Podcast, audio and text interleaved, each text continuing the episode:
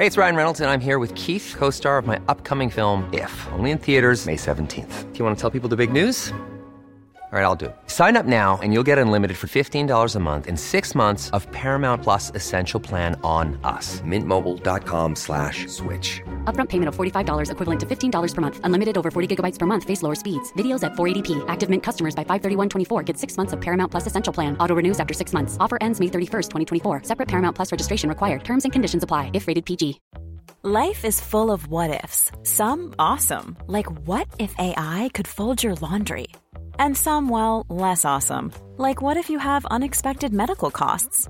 United Healthcare can help get you covered with Health Protector Guard fixed indemnity insurance plans. They supplement your primary plan to help you manage out of pocket costs. No deductibles, no enrollment periods, and especially no more what ifs. Visit uh1.com to find the Health Protector Guard plan for you.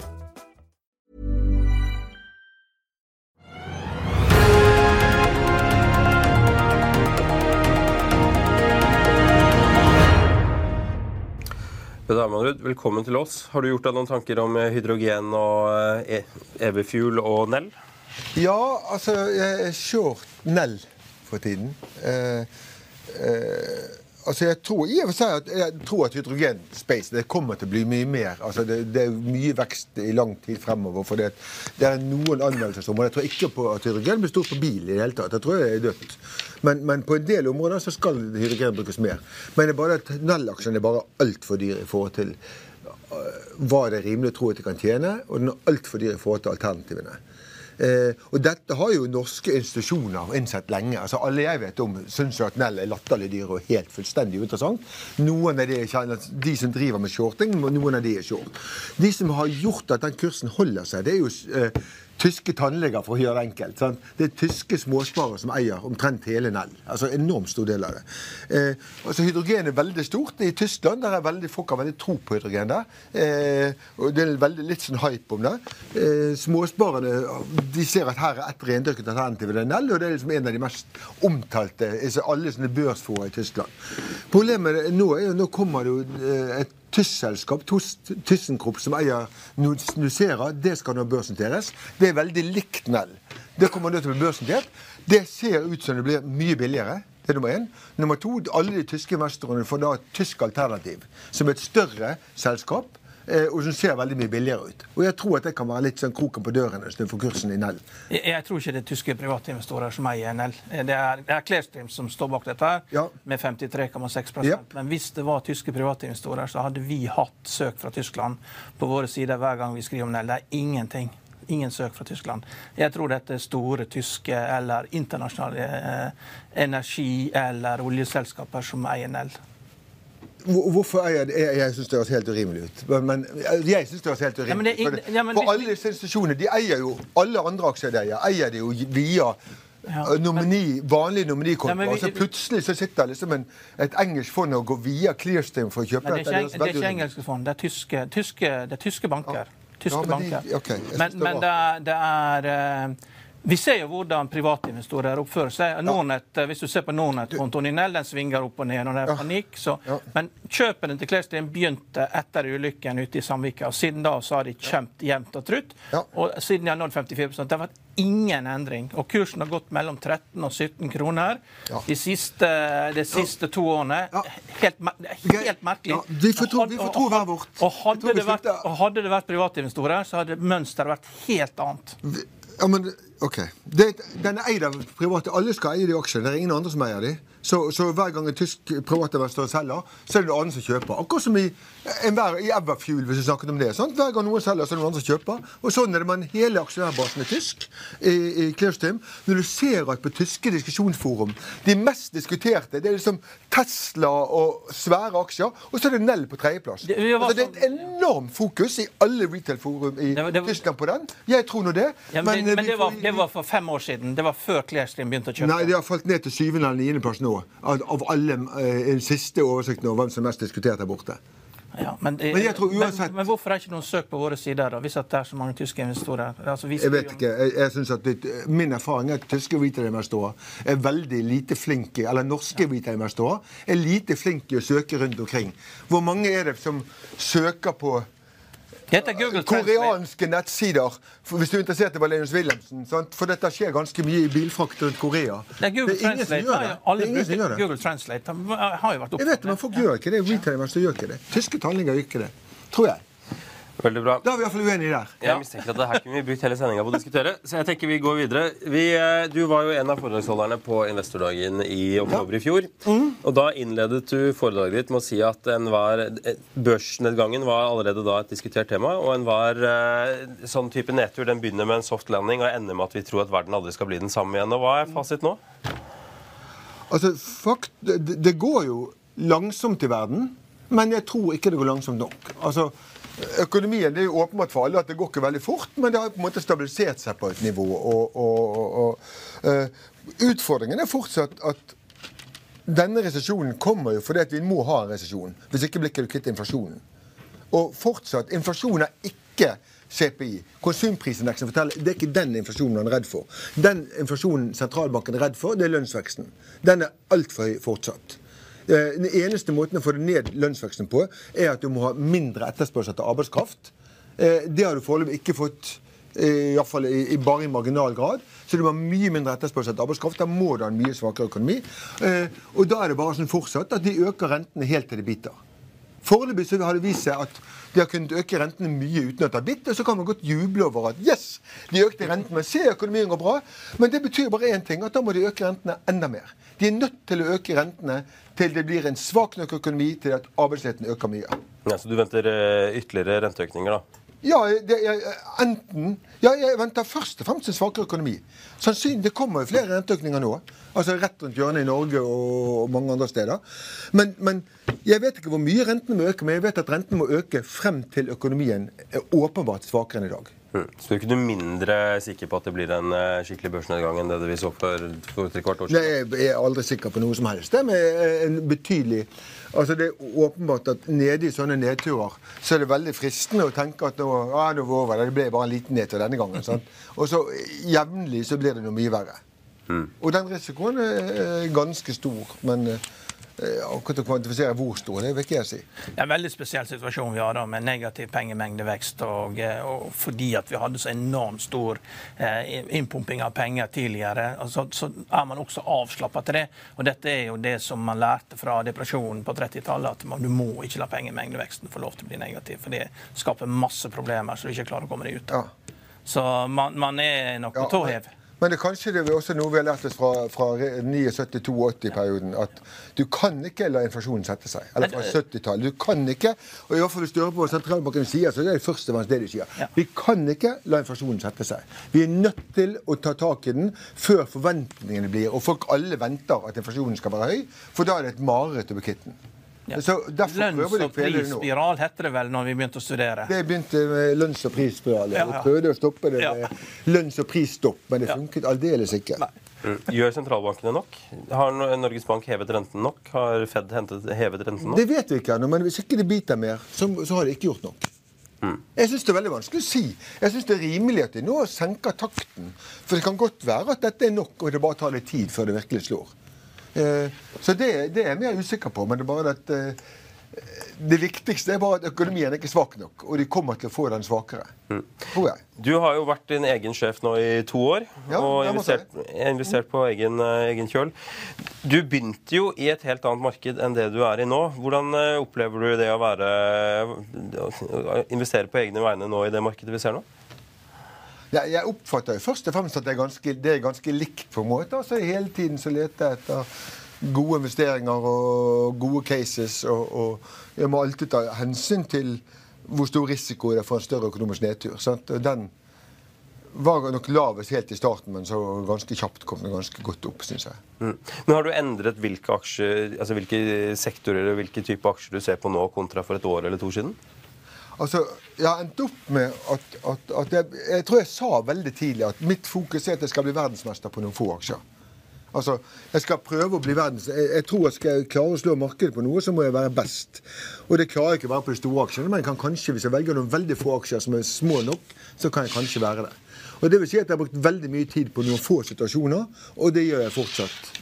Og det er veldig mye de samme situasjonene. Men så varierer det litt. Innenfor det jeg virkelig kan, så varierer det hva jeg eier veldig mye av, og hva jeg eier veldig lite av. Mm. Så, så, jeg bytter opp og ned. Eh, jeg skal snakke litt om Valenius Wilhelmsen. Sånn, så hadde jeg veldig mye da jeg begynte. Så solgte jeg meg mer eller mindre ut, og nå har jeg veldig mye, enda mer enn noensinne. Nesten. Mm. Men Valenius Wilhelmsen, okay, hva er det med den aksjen som gjør at du er, eh, er så interessert i den?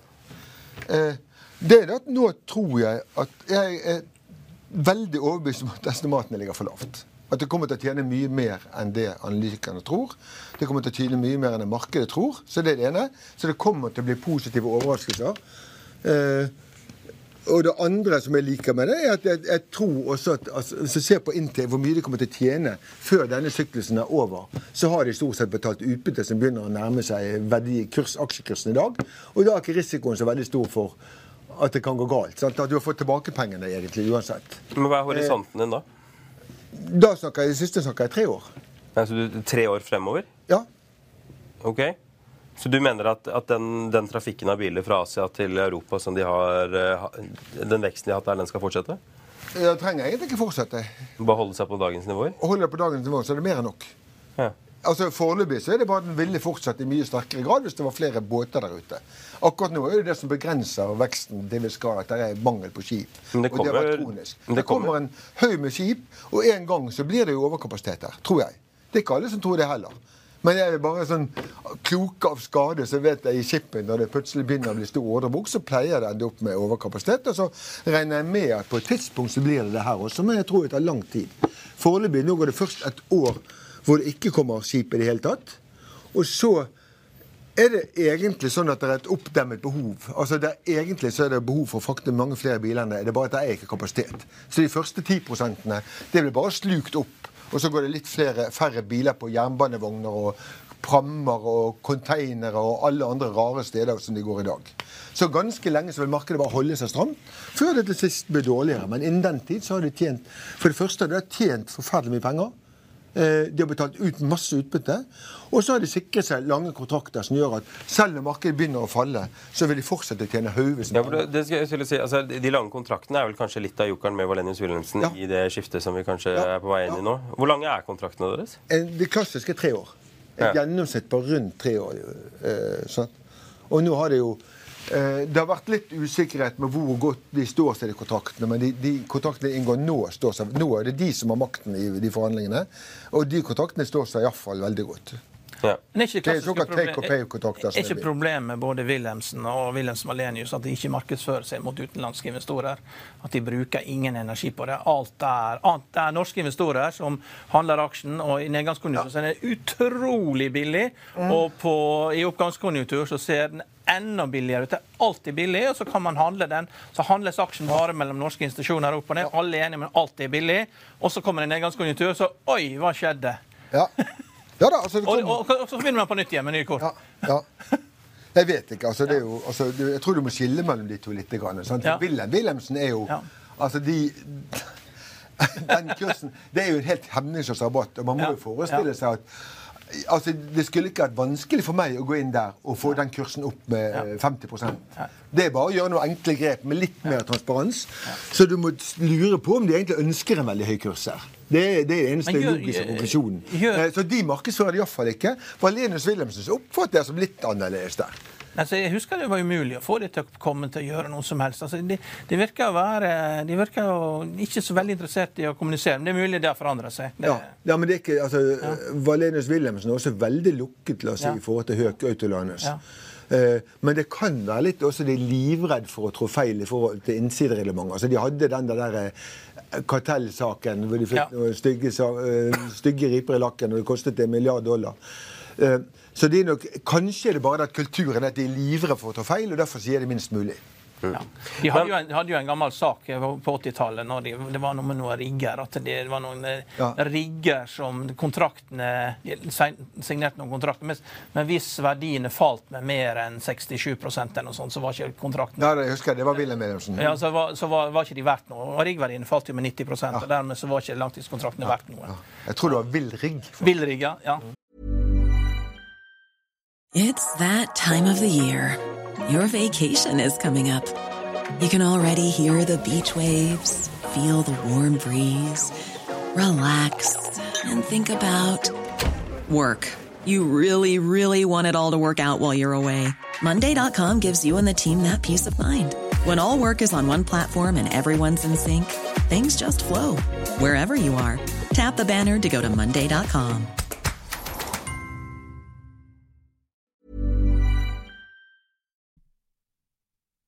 I'll see you in court.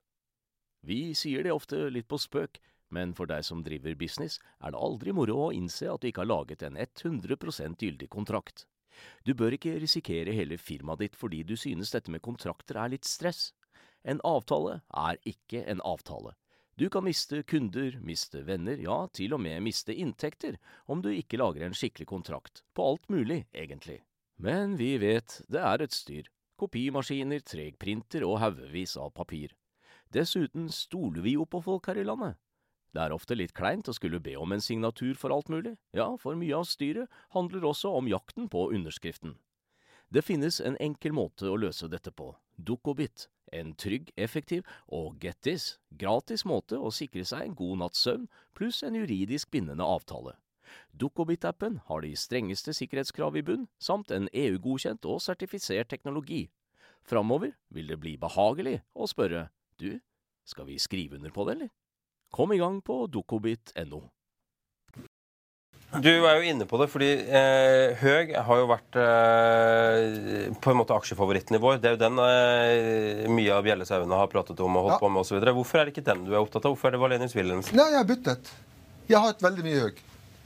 Akkurat nå, men, men nå har høg Høg er tross alt mer enn tredoblet siden børsnoteringen. Så kursen har gått veldig mye altså du, Den er litt under tredoblet, og så er det masse utbytter i tillegg. Så den er mer enn tredoblet siden børsnoteringen. Og har gått veldig mye, etter hvert veldig mye bedre. Den er doblet i forhold til Valenius Wilhelmsen. Så det ene er at nå er det sånn at, at Valenius Wilhelmsen er blitt billigere. Det andre det er at, uh, at det er ikke mer enn et halvt år siden. altså Tidlig i år så sa jeg bare at estimatene på Høg er altfor lave. Jeg har sagt i mange sånne fora og type ting, og eh, middager og sånt, og vært foiler på det. Sånt, at estimatene kommer til å komme veldig kraftig opp i Høg. Folk har ikke forstått hvor mye de tjener. Men nå tror jeg markedet forstår omtrent hvor mye Høg tjener. Så sånn at nå er det kjent informasjon omtrent hvordan det kommer til å bli i år og neste år. Eh, eh, og og det er sånn noenlunde priset inn. Men derimot i Valenius Wilhelmsen så har folk ikke forstått hvor mye de kommer til å tjene.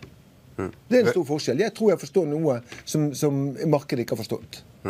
Høg har vel også et helt annet kontraktsoppsett enn det Valenius Wilhelmsen har? Ja, altså de, de er mye mer utsatt for Altså de, de, de tjener mye mer på, et, på et, de korte kontraktene. Eh, men det er også der mer utsatt, inntjeningen er mer utsatt i et fall. De har nok, jeg må jo si at altså, Høg har nok gjort dette riktigere. Spilt syklusen riktigere, iallfall hittil.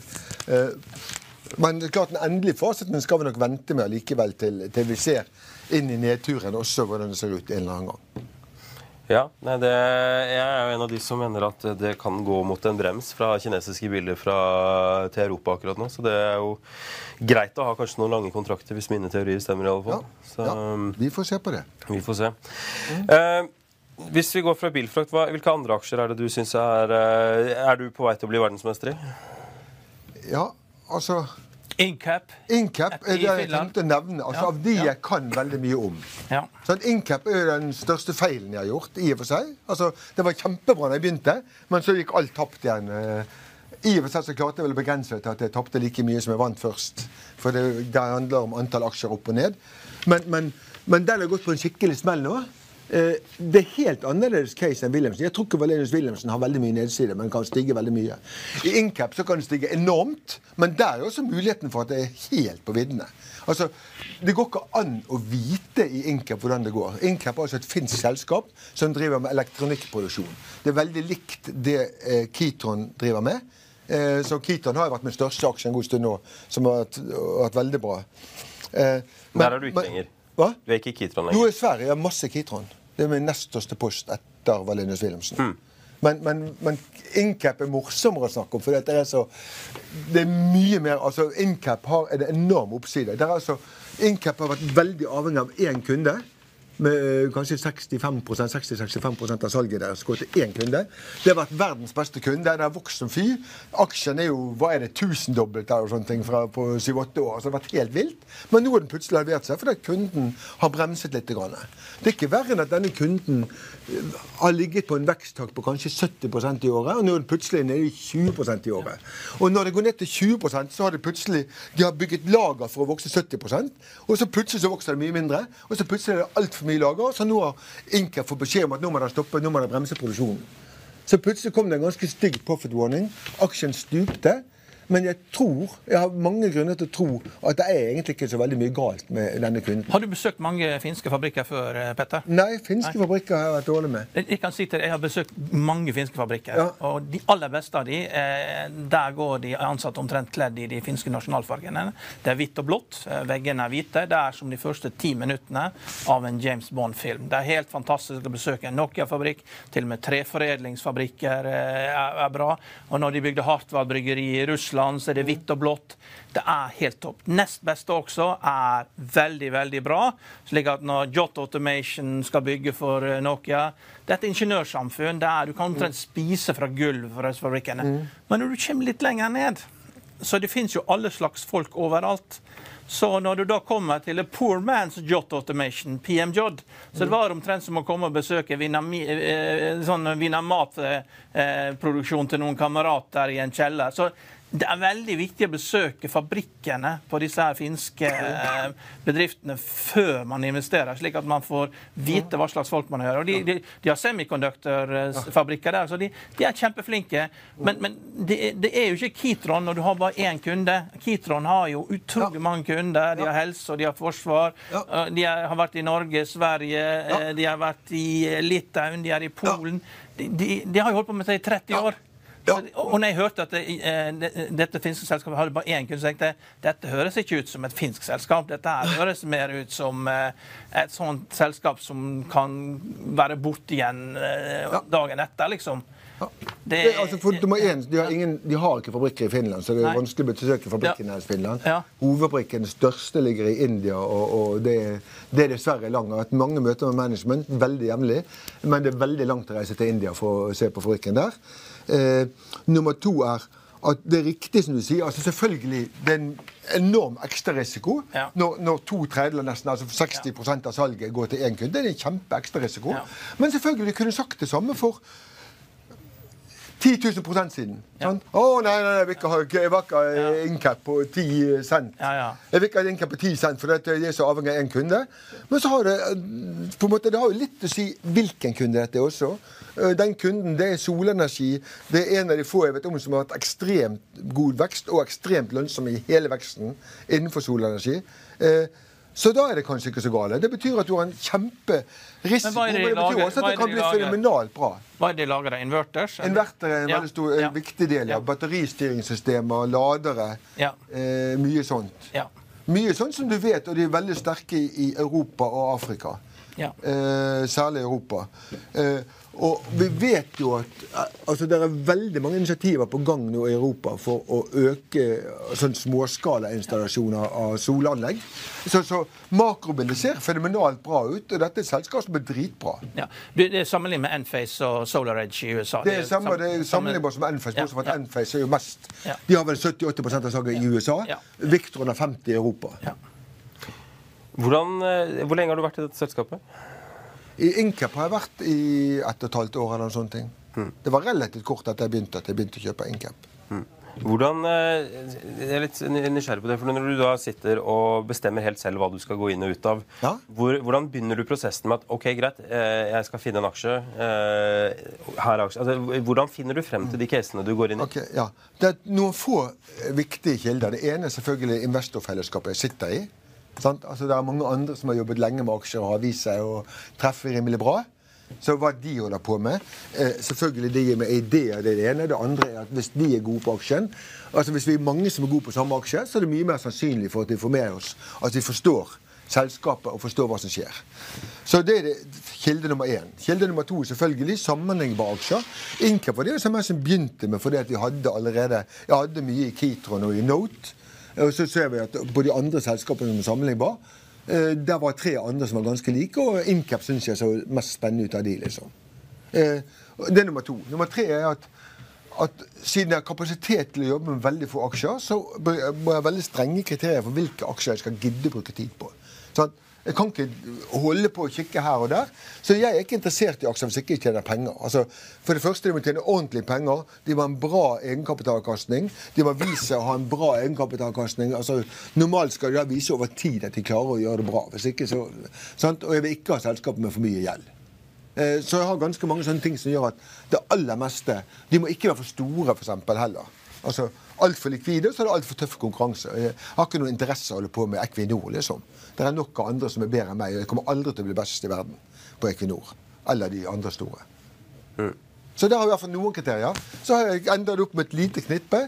Eh, Noen jeg eier, noen jeg det er sånn Nordic Semiconductor, som jeg følger veldig med på etter hvert. eh, Men som jeg ikke har tatt noe så stort bett på ennå. Ja, det tror jeg er greit med tanke på kursutviklingen i dag. i alle fall. Den er ned 12,5% ser jeg bak der. Å ja, så gøy. Så ja. Nei, det var Nordic. Nanovektor. Sorry. Beklager. nå er det ja. Det var litt liten skrift her. Jeg var litt overrasket at den skulle ned så Nå mye. tror jeg en liten tøtte Specsavers her, Marius. Oi, oi, oi. Ja, det der var ikke bra. Ja, ja.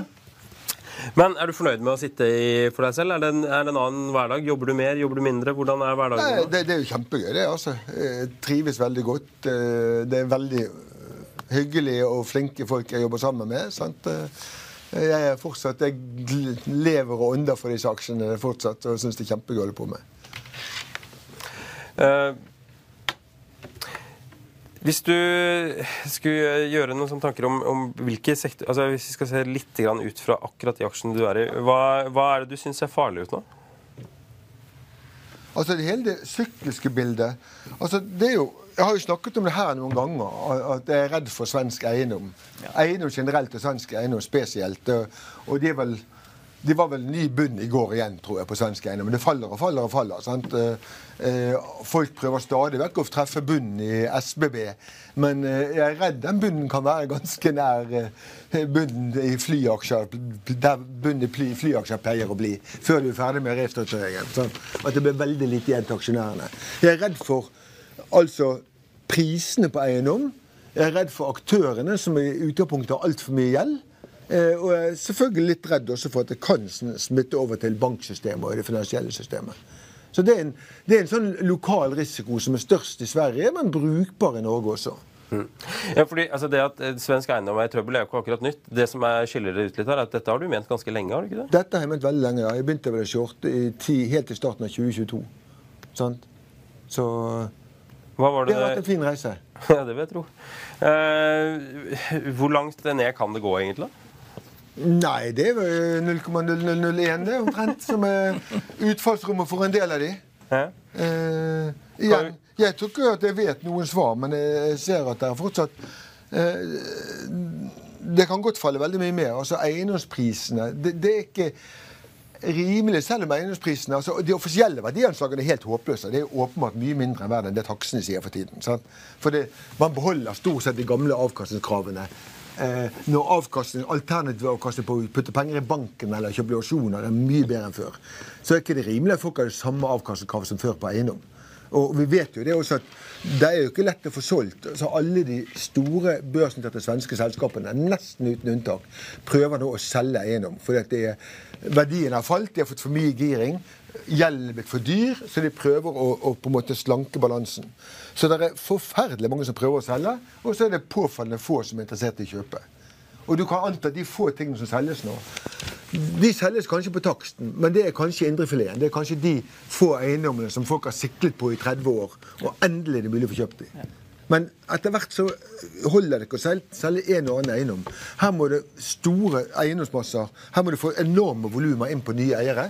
Og da tror jeg at prisene må ganske mye ned før du får tak i de nye eierne. Ja, og Så det er et stort fall. Ja, og, og Svenskene har jo rydda opp i, i eiendomsselskaper før med å slå de sammen til store enheter og Ja. nulle ut egenkapitalen og rekapitalisere, Ja. sende på børs. Ja. Og det kommer til å skje igjen da, i en eller annen form. Det, det, Om ett eller to år. Ja, det er veldig Dette klarer ikke Bård Bjølgerud å rydde opp i alene. Ja, det er veldig sannsynlig at du ender opp der, Ja, tror jeg. ja. Så, så det er en fare. Altså, selvfølgelig hele den økonomiske situasjonen. det er jo, altså Vi vet jo bare, som, som du sa innledningsvis, at Du prøver, du ser at du må ha veksten ned. Du prøver, Sentralbankene prøver å få ned veksten til sånn akkurat passe lav vekst. Sånn at du kan på en måte noen år med lav vekst, og så er vi tilbake til normaløkonomien. Men vi vet jo av erfaring at det er ikke så lett å få til denne softelendingen. Ja. Når vi først har begynt å lande, så har det en tendens til å bli ganske brå likevel. Så, så, bankene vil jo rydde opp i dette for å minimere sin tap, ikke ta tap. Ikke sant? og da er jo da lage store pooler ja. av de eh, dårlige ja. eiendommene og få det børsnotert. Ja. Og, det, og det funker. Ja. Ja, men det er ikke alltid bankene styrer klar. Nå skal det sies at Nei. Svenske banker har ikke mye eksponering mot de børsnoterte sektoren. Men, men, svenske banker har mye eiendomslån. Ja. Og hvis alle priser faller, og det blir også det er såpass dårlige konjunkturer at du kan forestille at det blir mye ledige lokaler, ja. Og det, hvis det er vanskelig å finne kjøpere for SBBs bygg med, ti års leiekontrakt med staten, så er det ikke lettere å komme med et eller annet, en eller annen kjøpesenter hvor halve, halvparten av butikken er stengt. Eh, ja. Så skal du prøve å finne kjøpere til det. Det kan bli vanskelig. Og da blir det enkelteiendommer som plutselig er bortimot verdiløse.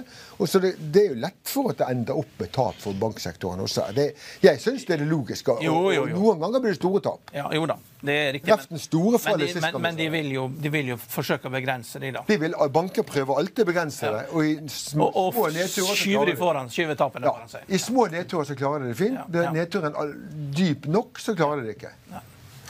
Veldig bra. Vi eh, har slukket opp for tid, så jeg skal bare ta en kjapp oppdatering. Peter Hammerud, tusen takk for at du kom i studio her hos oss.